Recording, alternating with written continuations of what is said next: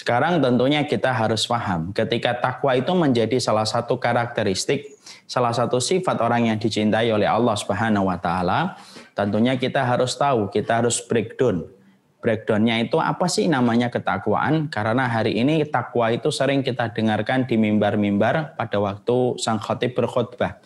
Tapi ternyata realisasi dari ketakwaan itu sulit kita aplikasikan pada kehidupan karena salah satunya sebenarnya kita juga tidak ngerti ketakwaan itu artinya apa.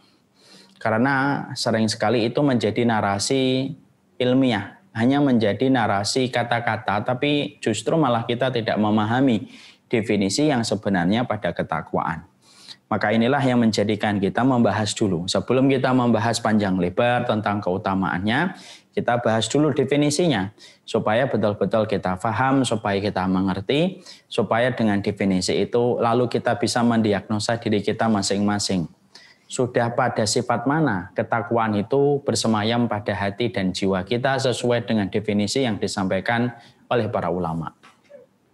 Karena orang yang mereka senantiasa bertakwa, Nah, senantiasa orang yang bertakwa itu akan dilapangkan hatinya oleh Allah Subhanahu wa taala dan orang yang dilapangkan hatinya oleh Allah, maka puncak kebahagiaan pada kehidupan dan itu merupakan salah satu di antara surganya di dunia yaitu adalah ketika hati kita dilapangkan hatinya oleh Allah, itulah sejatinya surga pada kehidupan di dunia.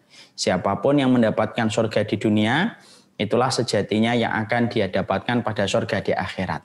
Tapi siapa pun orang yang tidak mendapatkan surga di dunia dengan kelapangan hatinya, sulit membayangkan dirinya akan mendapatkan surga di akhirat kalau pada surga di dunia saja dia tidak mendapatkan dan dia tidak menjumpainya. Maka inilah yang menjadikan kita harus membahas dulu apa arti ketakwaan dan definisi ketakwaan yang disampaikan oleh para ulama. Para ulama lalu kemudian menyampaikan kepada kita apa itu definisi ketakwaan yang harusnya kita mengerti.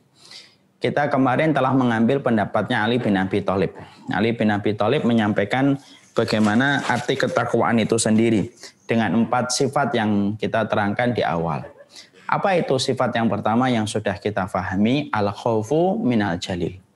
Orang yang bertakwa itu adalah mereka yang senantiasa bertambah takutnya dia kepada Allah Subhanahu wa taala.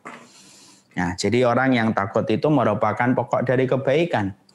Orang yang takut miskin, dia rajin bekerja. Orang yang takut neraka, sejatinya dia akan terus beramal dan tidak pernah jemu untuk beramal, tidak pernah bosan untuk menjadi baik, dan dia terus berbuat baik untuk mendapatkan apa yang dia inginkan, yaitu keridhaan dari Allah.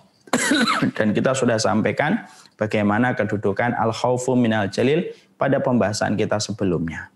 Sekarang kita fokus pada definisi yang kedua, apa itu yang disebut dengan ketakwaan? Para ulama lalu menyampaikan. Yang disebut dengan takwa itu, kata Ali bin Abi Thalib, al-amalu bitangzil. Yaitu senantiasa mengamalkan apa yang telah dia pelajari.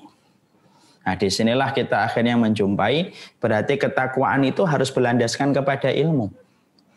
Jadi ketakwaan itu tidak boleh berlandaskan kepada semangat. Ketakwaan itu tidak boleh berlandaskan kepada suara mayoritas dan suara dominasi yang dilakukan orang dan dilakukan masyarakat. Jadi kalau ada orang melakukan sesuatu yang dilakukan orang kebanyakan tetapi tidak ada penjelasan dalilnya, maka dia tidak disebut dengan ketakwaan. Karena ketakwaan itu basicnya, fondasinya, selalu fondasinya kembali kepada ilmu. Dan tidaklah disebut ilmu, kecuali definisinya adalah qala Allah wa qala Rasul. Yang dimaksudkan ilmu itu adalah perkataan Allah dan perkataan Rasul.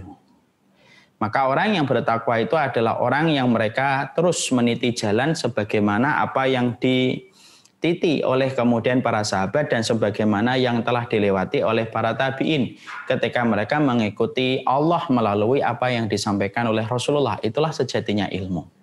Jadi ketakwaan itu bukan berdasarkan passion, ketakwaan itu bukan berdasarkan kepada perasaan, ketakwaan itu bukan berdasarkan kepada suara mayoritas yang diikuti, Ketakwaan itu bukan berdasarkan kepada semangat, tetapi ketakwaan itu berdasarkan kepada ilmu, ilmu yang didapatkan itulah yang dia kerjakan.